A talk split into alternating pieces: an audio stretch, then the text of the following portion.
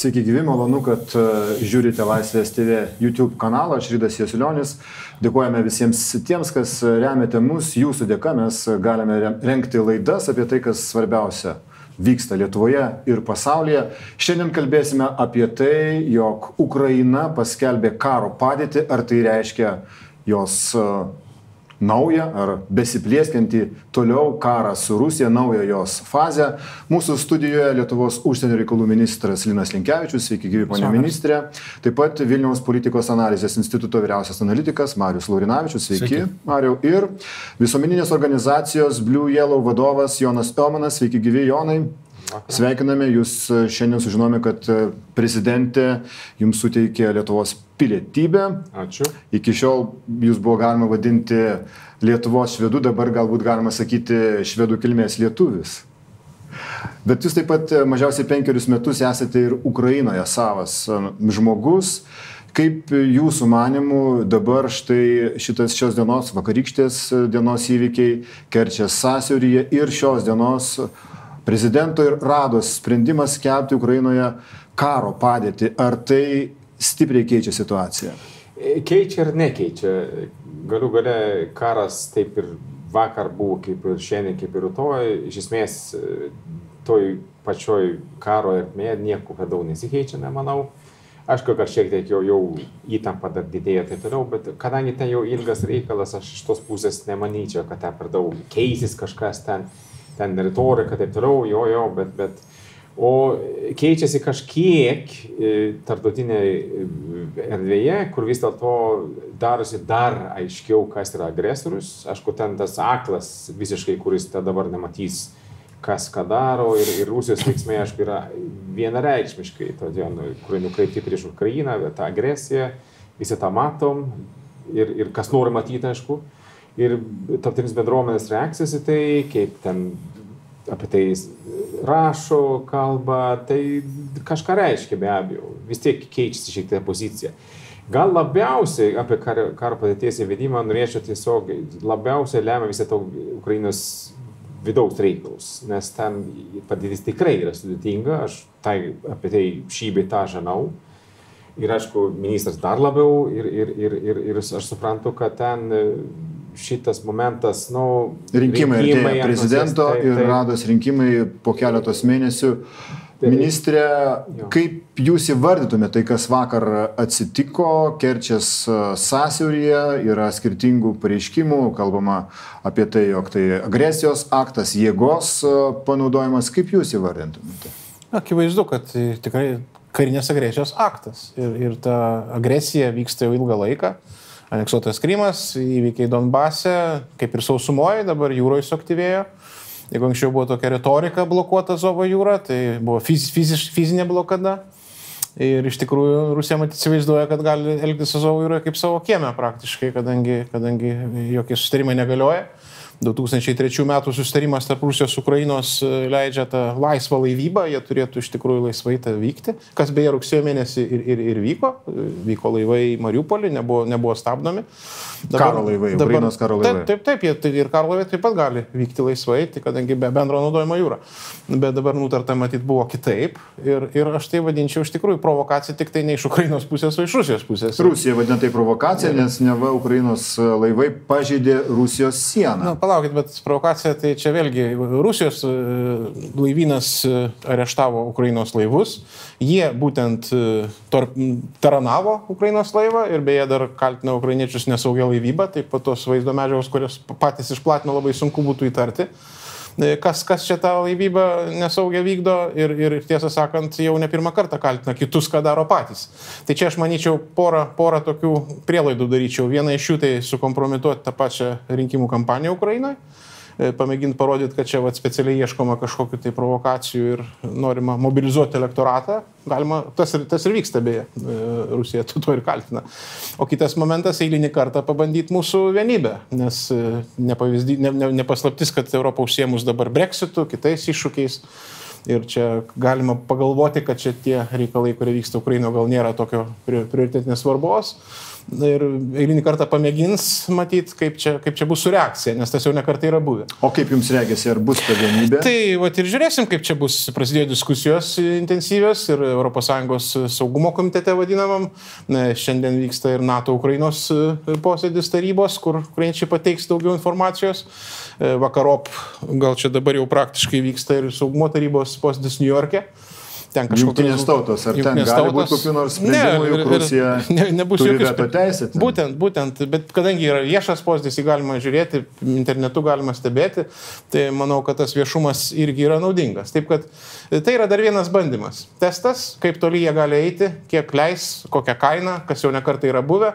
Ta kaina būdavo priimtina po Sakartvelo okupacijos kaip pamenam, matėsi, kad galima okupuoti e, kaiminės šalies teritoriją ir, ir kaip, kaip ir nieko ypatingo tokio neatsitiko, tai kodėl nepabandyti dar kažką daryti. Taip kad aš vertinčiau čia dar vieną tokį testavimo pratimą. Mariau, kaip jums segėsi, ar gali kas nors ypatingo atsitikti po šito, kaip ministras sako, Rusijos karinės agresijos akto, ten e, štai toje vietoje sąsiuris į Azovo jūrą, kurią Rusija ko gero laiko jau dabar savo uždarą jūrą. Tai čia pirmiausia priklausys nuo visų mūsų. Pirmiausia, nuo asmeniškai, ką mes kiekvienas galim padaryti, tai vat, yra Jono organizacija, ar mes galime prisidėti remiant, tiesiog asmeniškai remiant Ukrainą, jos kariuomenę ir visą kitą. Tada valstybės gali padaryti, Lietuva jau inicijavo tikrai ir, ir pareiškimais, ir tom dėrybom procesą tą, kuris, aišku, yra labai sudėtingas, bet jisai turi vykti. Tai yra, mes turim tarpusavį pirmiausia įsiaiškinti, tiesiai įvardinti, kas tai yra, nes tikrai ne visos valstybės dar įvardino, kas tai įvyko, kad tai yra karinės agresijos aktas, kuris beje turi terorizmo požymį, kuris beje turi piratavimo požymį, nes laivų užgrobimas yra kas? Įdomu tai, kad Rusijos karinis pajėgos, karinės pajėgos, laivynas, patys jie ir matyt e, tą įrašą paskleidė. Mes Aš dabar... dėl to ir šneku apie, galim... būtent apie terorizmą. Tai yra teroristiniai metodai, gazdinimo, specialaus rodymo, kaip vyksta, ką mes galim padaryti. Čia yra teroristiniai metodai. Pasižiūrėkime, ką paskleidė uh, Rusijos karinis laivynas, kokį vaizdą, kaip sekmadienį įvyko. Šitas prasidėjo, tiksliau šitas, kaip e, ministras sako, Rusijos karinės agresijos atvejais. Дави его справа!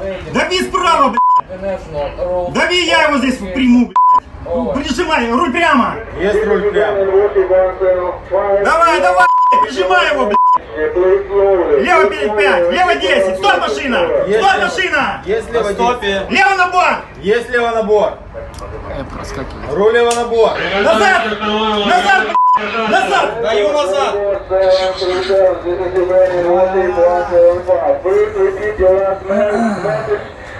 Давай! Давай, блядь, держаться все, блядь, сука! Лево! Держаться! На борту! 8.21. Štai toks įrašas, čia mes uždėjom daug piptelėjimų, kadangi to Rusijos karo laivo kapitonas visiškai necenzuruota tą leksiką savo davė tos įrodymus, nurodymus ir įsakymus savo pavaldiniams. Tai jūs vadinate, Mariau, grasinimu, ar ne? Kad, tai, yra, tai, tai, tai yra klasikinė teroristų taktika. Kam, ka, ka, ką daro teroristai? Jie naudoja smurtą tam, kad visus išgazdinti. Tai yra klasikinis terorizmo apibrėžimas. Tai yra absoliučiai atitinka tai, ką padarė Rusija, nes jinai pati tą išplatino. Čiagi ne ukrainiečių pusė išplatino šitą vaizdo įrašą. Jie patys išplatino, kaip jie elgesi, kaip, nuo, nuo to, kaip jie kalba, iki to, kaip jie apie nesaugią laivybą paskui kaltina Ukrainos pusę. Tai pasižiūrėkim, kas įvyko. Tai tas laivas nekėlė niekam grėsmės. Čia Rusija specialiai taranavo Ukrainos laivą. Kam to reikia?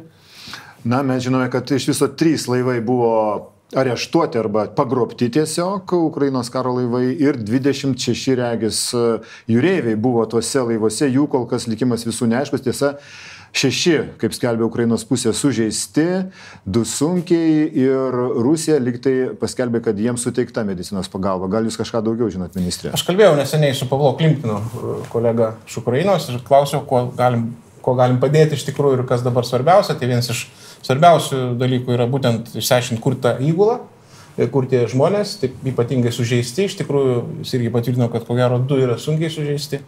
Nu, bet dar kai kurios detalės irgi buvo čia pakomentuota tą visą vaizdelį.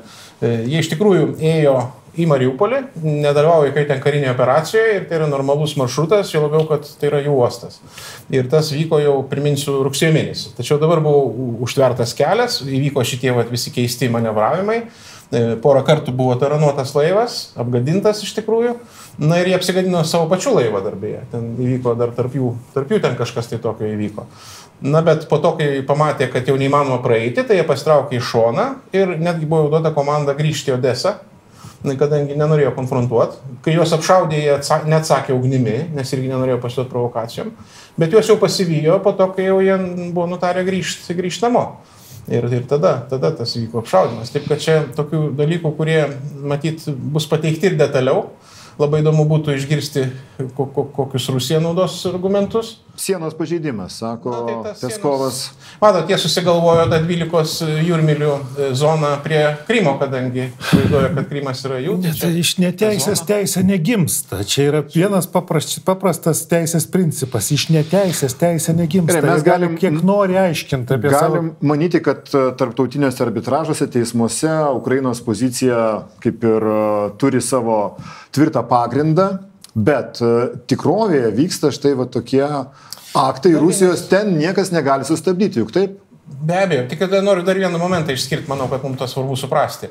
O išnekam apie tą karinę padėtį, tas yra čia ukrainiečių vidaus reikalas, kaip jie nutars, kadangi iš tikrųjų yra artėja rinkimai ir ten e, norima, kad nebūtų suvaržomos žodžio laisvės, spaudos laisvės, vis tiek rinkimų laiko tas svarbu, tai nusupratom, kad čia tik mėnesiui ta, tas paskelbta, tai čia iki kalėdų jau kaip ir baigsis. Bet esmė, manau, ne taip. Čia tai yra jų vidaus atskirkim reikalai, kaip jie čia susitars, bet išorėje įvyko agresijos aktas, mes turėtumėm jį reaguoti. Ir kitas momentas, ką manau, neturėtų išslysti iš mūsų dėmesio, nepaisant visko, mes turim dar aktyviau padėti Ukrainai ekonomiškai. Ir dabar bus konferencija Otavoje, Kanadoje, Ukrainos konferencija, kur dalyvaus bankai, pasaulinis bankas, Europos rekonstrukcijos bankas. Tai tie konfliktai, jisai tikrai nesibaigs. Jisai matosi tęsis, bet mes nepamirškim, kad turim padėti ekonomiškai pastatyti ant kojų šalį ir neturėtumėm sumažinti čia tų apsukų. Tai tas irgi nemažiau svarbu. Grynos kursas atrodo krenta šiomis dienomis, ko gero irgi susiję viskas ir, ir ta agresija, ir ekonomika. Jonai, kaip jums regėsi dabar Ukrainos visuomenė, vis dėlto tas karas vienokia ar kitokia forma vyksta gal ne su pačia tiesiogiai Rusija ir, ir tiksliau, netiesiogiai su Rusija vyksta, tas karas jau penkeri metai. Ar dabar Ukrainos visuomenė yra pasiryžusi kažkokiai naujai, aktyvesniai fazėje šitos kovos? Visų pirma, turim suprasti, kad iš tikrųjų čia yra tiesioginis karas, kitaip nepavadinsi, šiuo metu, e, tarkim, Donbaso teritorijose yra maždaug 35 tūkstančiai Rusijos karių įvairių rūšių. Rusijos federacijos karių yra ten Ukrainos teritorijoje, ten įvairiausių tų dalinių.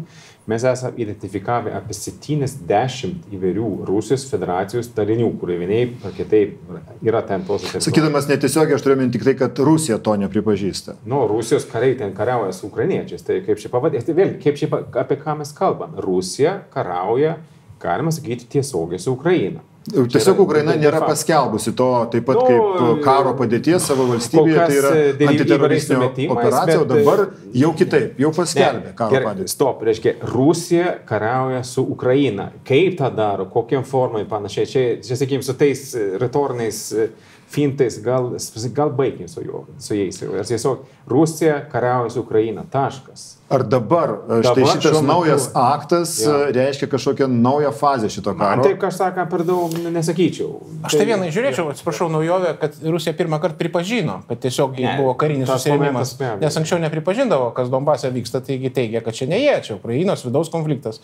Dabar mm. pripažino, kad tiesiogiai Ukrainos kariškiai jau konfrontavo su, tikrai tai pirmą kartą pripažinta iš Rusijos pusės. Prieš rinkimus šitas konflikto paaštrėjimas vyksta ir regis, kad Petro Porošenka buvo spaudžiamas e, vis dėlto netidėti rinkimų arba netgi sutrumpinti tą karo padėtį paskelbtą nuo 60 iki 30 dienų e, tam, kad rinkimai toliau galėtų pasibaigus 30 dienų karo padėčiai, toliau vykti, na, maždaug kažkokiu įprastu režimu. Ar įmanoma tai, kad uh, prezidento rinkimai, kurie regis kovo mėnesį vyks Ukrainoje, kad jie įvyks sklandžiai, Mariu, kaip jums atrodo? Sunku pasakyti, vėlgi dabartinė, nepaisant to, kad aš visiškai pritariu, kad būtent karas, Rusijos karas prieš Ukrainą niekada nesibaigė ir jis vyksta toliau, bet pagrindiniai a, tos agresijos veiksmai prieš Ukrainą yra net ne karo laukia.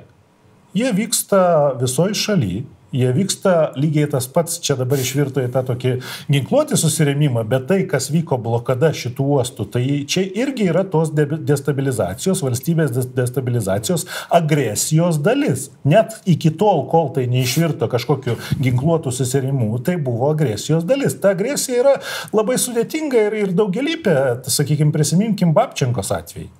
Tai čia irgi tos pačios agresijos dalis. Tai yra noras destabilizuoti padėtį ir pasiekti tų uh, tikslų, kurių nu, nori Rusija pasiekti kitomis priemonėmis. Tai yra nuolatinis Rusijos karas, kuris vykdomas visomis priemonės, ne tik tai tom kariniam priemonėm, apie kurias mes dažniausiai kalbam kaip apie karą. Ir svarbiausia suprasti, kad tai vyksta ne tik tai Ukraina, tai vyksta prieš visus vakarus. Mes neseniai turėjome uh, chemin, ataką cheminių ginklų Solsberyje, NATO šalies teritorijoje. Ir ką? Ir kaip mes į tai sureagavom? Iš, išskinti kažkiek tai šnipų?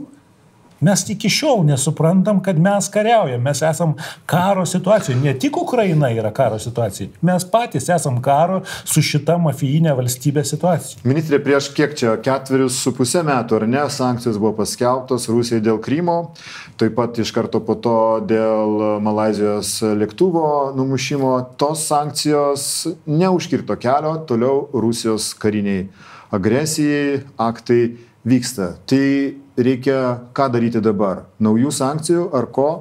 Iš tikrųjų, tai pažiūrėkim, tos sankcijos yra trijų rušių, sakom, Krymas, ten individualios sankcijos, sektorinės, ekonominės, bet jos gana kuklios ir tas sąrašas asmenų nėra toks jau labai didelis, pažvelgus į tą šalį, kokia jinai didelė. Ir jeigu dar pasigilinus, kiek iš tų asmenų, kur ten įtraukti, turi tiesiog neįtaką sprendimų prieimimui, vėl čia būtų. Taip, kad kai manęs paklausė, kaip čia yra, kad tos sankcijos neveikia, tai tai išplėskim sankcijas, jeigu neveikia. Jau labiau, kad kitų būdų nelabai naudojam gaila. Mes kitų svertų neturim, sankcijas tik tai.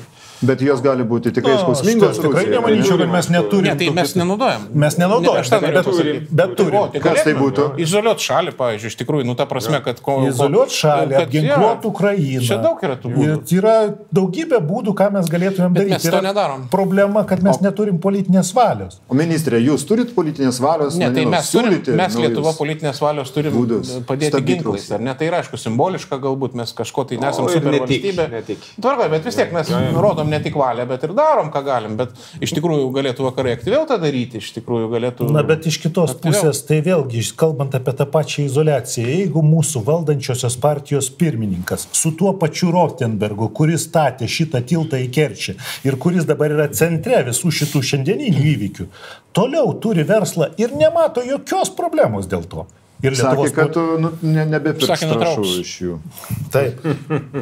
Agrokoncernas sakė, daugiau trašų iš Rotenbergo nepirks. O, o, o, o iš, iš Kantoro, o iš Litvinenkos, kuris remia trolių fabriką tiesiogiai. Ar tai nestabdo Lietuvos pozicijų, nesilpnina politinės valios Lietuvos. Juk dabar Lietuva, būdama na, Ukrainos advokatė ar ne, vakaruose galėtų burti tokių savo bendraminčių visą klubą, eilę narių, kurios siūlytų kažką veiksmingo, kad Rusija būtų stabdoma iš tikrųjų, ne žodžiu. Mes tą ir darom, kiek galim, iš tikrųjų, kas nepa, ko nepajėgiam padaryti kolektyviai, tai nacionalinių kelių įvedam, tai čia tą darysim ir ateityje, kiek čia pavyks.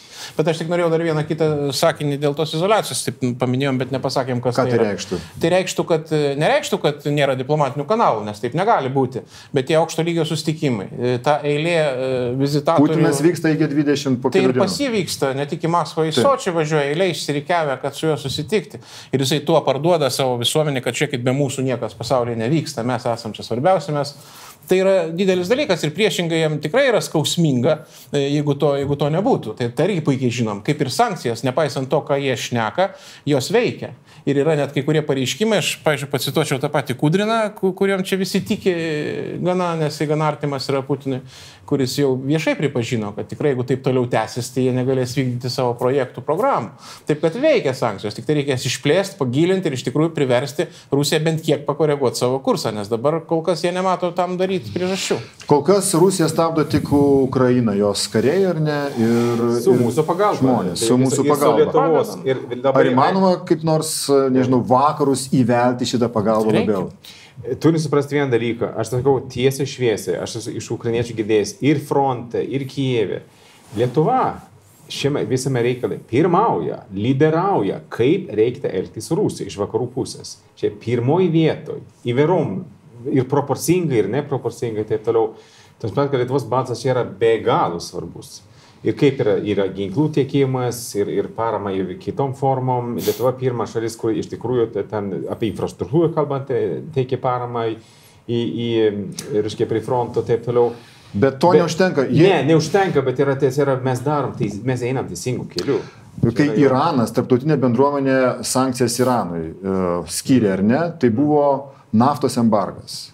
Rusija yra eksportuojanti naftą šalis. Ar galėtų, ar turėtų Lietuva inicijuoti dabar, jeigu karo agresijos aktai tęsiasi iš Rusijos pusės, šitas valstybės embargas rusiškai naftai mes pakankamai prinicijavę jau šitų dalykų ir, pažiūrėjau, tas pats Magnitskio sąrašas Lietuvoje yra pats didžiausias turbūt pasaulyje, nes tai susijęs su žmogaus teisų pažeidimais. Pavyzdžiui, tikrai ne visos šalis, kelios tik jos yra įvedę tą sąrašą. Kaip pavyzdys, labai vangiai tas viskas vyksta, kol patys ne, nacionališkai nepatiria tai, kažkokios žalos ar kažkokio tai e, problemų, kaip tarkim pastaruoju metu jau ir įvyko ne vienoje šalyje ir todėl jau daugiau to supratimo yra, bet toli gražu dar ne tiek, kiek reikėtų ir nežinau, kiek čia reikėtų žadintuvo skambučių, kad pabūsti iš tikrųjų.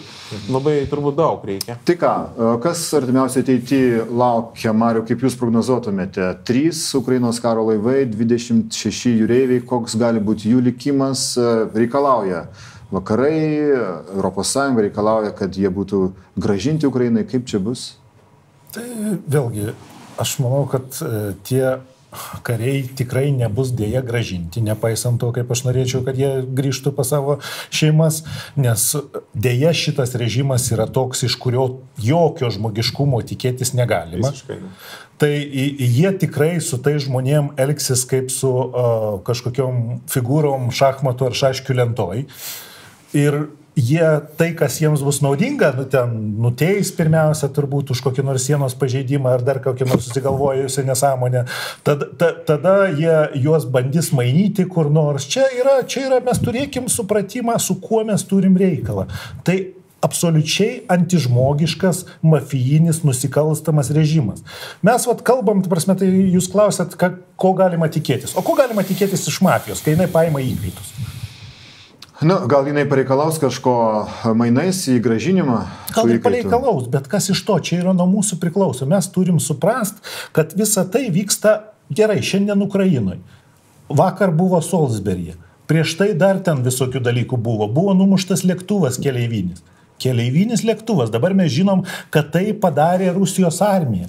Tai kas yra atsakingas? Tai yra atsakinga šita mafijinė valstybė. Ką mes padarėm visi? Aš, mes tikrai Lietuvoje, aš tikrai sutinku, kad Lietuvos pozicija yra labai teisinga ir mes einam teisingų kelių. Bet jeigu žiūrėti visus vakarus, ką mes padarėm, kad šitą grėsmę sustabdytume. Iki šiol mano įsitikinimų. Pavyzdžiui, sankcijos rimtesnės, sankcijos, rimtesnės ekonominės sankcijos Rusijai. Tas pats e, embargas e, rusiškai naftai. To, todėl, kad mes, todėl, kad mes turim tokią situaciją, kai pas... Kaip aš mėgstu labai, labai dažnai jau tą kartoju. Tai klausimai yra ne apie juos, klausimai yra apie mus. Mes, mūsų bankininkai aptarnauja jų ir ne, ne tik aptarnauja, bet ir padeda plauti pinigus mūsų e, nekilnojamo turto agentai perka jiems namus, Mūsų e, teisininkai registruoja jų bendrovės, mūsų teisininkai e, randa būdų, kaip jiems e, padėti ten kištis į rinkimus ir panašiai, ir panašiai, ir panašiai. Klausimai yra apie mus. Jeigu mes, čia mes keliam, te, keliam tą... Čia mes Europą norime pasakyti. Taip, taip. Ne Lietuva. Ne, ne. O Lietuva, A- Aš plačiau, ministrė, Mes O nepa, nepa, nepadedam plauti pinigus. aš plačiau kalbu apie visus vakarus, čia ne tik Ja. Europą. Čia yra, čia yra Tai mūsų. vakarai negalėtų dabar paskelbti embargo rusiškai naftai. Šiuo metu ne. O Lietuva Šiuo- galėtų šiuo- inicijuoti tai? Me, Na, mato, turim inicijuoti tai, kas yra pasiekiama. Mes tikrai inicijuojam, sakau dar kartą, labai daug tokių iniciatyvų keliam ir, ir tą darom, norim įtraukti visus. Bet vėlgi, ta prasme, yra daug, daly, Čia daugybė dalykų, kurie, kurie gali būti, sakykime, daromi tam aukščiausiam diplomatiniam lygiai, tai yra valstybių vadovų, ministrų ir panašiai. Yra mūsų, pavyzdžiui, Europos parlamento nariai. Kas jiems trukdo pareikalauti, pavyzdžiui, tai, ką, ką šiandien a, viešai pareiškė a, buvusi krašto apsaugos ministrė Juknevičiai. Kalbos, retorikos lygyje pareikalauti pasiūsti a, antipiratinę misiją į Azovo jūrą. Ir va tada reikia pasižiūrėti, kaip reaguos ta pati Sąjunga, nes viskas prasideda nuo žodžių, nuo įvardinimų, kas tai yra. Mes dar iki šiol nesulaukėm iš daugelio valstybių realaus įvertinimo, kas įvyko. Čia mes pasakėm, kad agresija, Didžioji Britanija pasakė, kad agresija, kas dar realiai. Jėgos panaudojimas, pasakė Tuskas, ne, ne, nepriimtinas jėgos Gana panaudojimas. Uh, Jonai, kaip jums regisi? Uh, jūs sakėte, kad vis dėlto tarptautinė bendruomenė uh, dabar jau negalės taip uh, pro pirštus žiūrėti į šitą Rusijos agresiją prieš Ukrainą. Uh, ką jūs matytumėte, kokias uh, tolimesnės uh, pasiekmes šito, šitos, Kaip aš norėčiau, ta prasme. galbūt kaip jūs norėtumėte ir ko jūs siektumėte? E, aš siekčiau tiesiog e, karinės pagalbos Ukrainai visų pirma, ką mes užsiimam kažkokie, mes esame menininkų klubas, taip sakant, ir mes teikiam vos neginkluoti Ukrainai, supraskite, reiškia, tai turi daryti kiti šiaip jau, bet kol nieka, niekas nedaro, mes tą padarysim. Čia yra mes rodom pavyzdį, Lietuva daro tą patį, puiku, aš didžiuosi, kad čia gyvenu.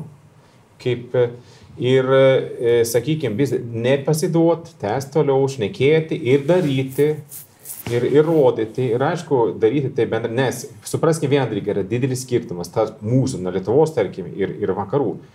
Vak, vakarams, kas vyksta čia su Rusija, su, tai yra nepatogu, tai yra toks ne, nu, ne, nemalonus dalykas. Čia yra pavojinga, tiesioginė prasme, kas vyksta ir Ukrainoje, ten, ką Rusija daro. Pavojinga. Nes Rusijos niekas nesustabdo. Nuo 2008 jau jį plečia savo Atsiprašau. ribas. E, Taip išskyrus, e, taip prateskit, jūs sureagavote. E, aš tiesiog, reiškia, ten mes, aš, kartu kiti žmonės, su mes sustabdėm Putiną prie Donetsko uosto savo rankomis, savo darbais. Aš buvau, aš žinau. Nu, galima.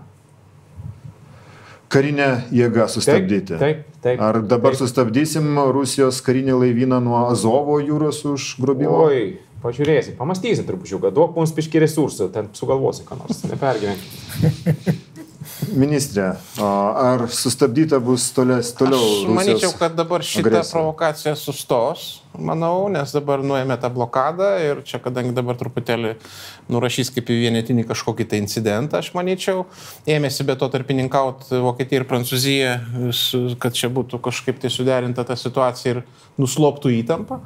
Tai, tai taip, bet, bet vis tiek tai, kas įvyko, tai įvyko. E, Laivai užgrobti, žmonės e, areštuoti, sužeisti, e, karinės agresijos aktas. Ir jisai negali būti be pasiekmių. Jeigu mums nepavyks sugeneruoti kolektyvinės reakcijos, manau, tai bus klaida ir iš tikrųjų, na, gaila. Jeigu Ir taip tai atsitiktų. lems naujus nusikaltimus. Aš tik tai bus dar ten- paskatinimas vie- vienas, vieną aspektą norėčiau pasakyti, kuris man iš tiesų kelia didelį nerimą, tai tos pasakos, kurios Rusija seka dabar apie tai, apie kažkokias minas, ten, kad jie ten gabeno kažkokias minas.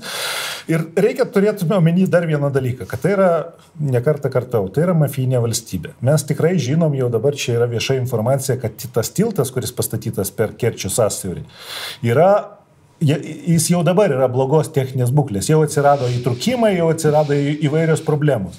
Tai yra e, apie tai, kad tai bus problema, buvo sakoma e, labai prieš statant. Jie, aišku, norėjo išplautos pinigus, jie ten viską padarė, norėjo pasirodyti, bet dabar reikia kažkaip paaiškinti, kas įvyko.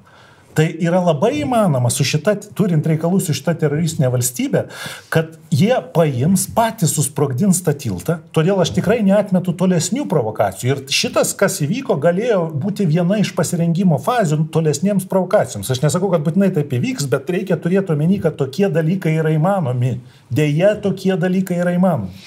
Taip, o NATO misija į Juodąją jūrą arba Kerčias sąsiaurį galbūt e, sumažintų tas galimybės. Tartotinis buvimas, ne tik Azovoje, bet ir, ir Juodojo jūroje labai pagelbėtų didesnio buvimo. Taip kad šito irgi mums reikia siekti. Reikia nuosekliai siekti, kas įmanoma, net ir manant, kad ne viskas pavyks, bet tai nereiškia, kad turi mūsų stabdyti. Dėkui Jums už šio momento analizę. Tai buvo Lietuvos užsienio reikalų ministras Linas Linkevičius, taip pat Vilniaus politikos analizės instituto vyriausias analitikas Marius Laurinavičius ir visuomeninės organizacijos Blue Yellow vadovas Jonas Evanas. Ačiū Jums, ačiū Jums malonus. Žiūrovai, kad žiūrite ir prenumeruojate mus, prenumeruodami jūs visada žinosite, kokios naujausios Laisvės TV laidos YouTube kanalu. Dėkui, kad esate su mumis ir remiate mus.